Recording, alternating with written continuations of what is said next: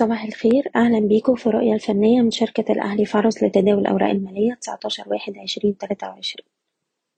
في جلسة امبارح المؤشر قفل عند مستوى خمستاشر ألف تسعمية سبعة وتمانين دون تغييرات جوهرية عن إغلاق الجلسة اللي قبلها لكن من الناحية التانية كل مؤشرات السوق قفلت على تراجع وفي نفس الوقت معظم الأسهم المكونة لمؤشر EGX 30 بتتراجع للجلسة التانية على التوالي وبزيادة في أحجام التداول.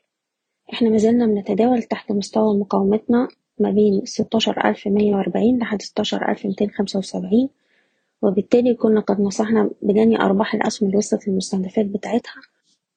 هنبقي على توصيتنا ولكن الناس اللي عايزة تحتفظ تقدر ترفع مستوى حماية الأرباح لأقل مستوى اتسجل في جلسة امبارح حسب كل سهم على حدة من الناحية التانية في حالة حدوث أي تراجعات أو مستوى دعم المؤشر هيقابلنا عند خمستاشر ألف وستمية ويلي مستوى الدعم التالي عند خمستاشر ألف وتلتمية.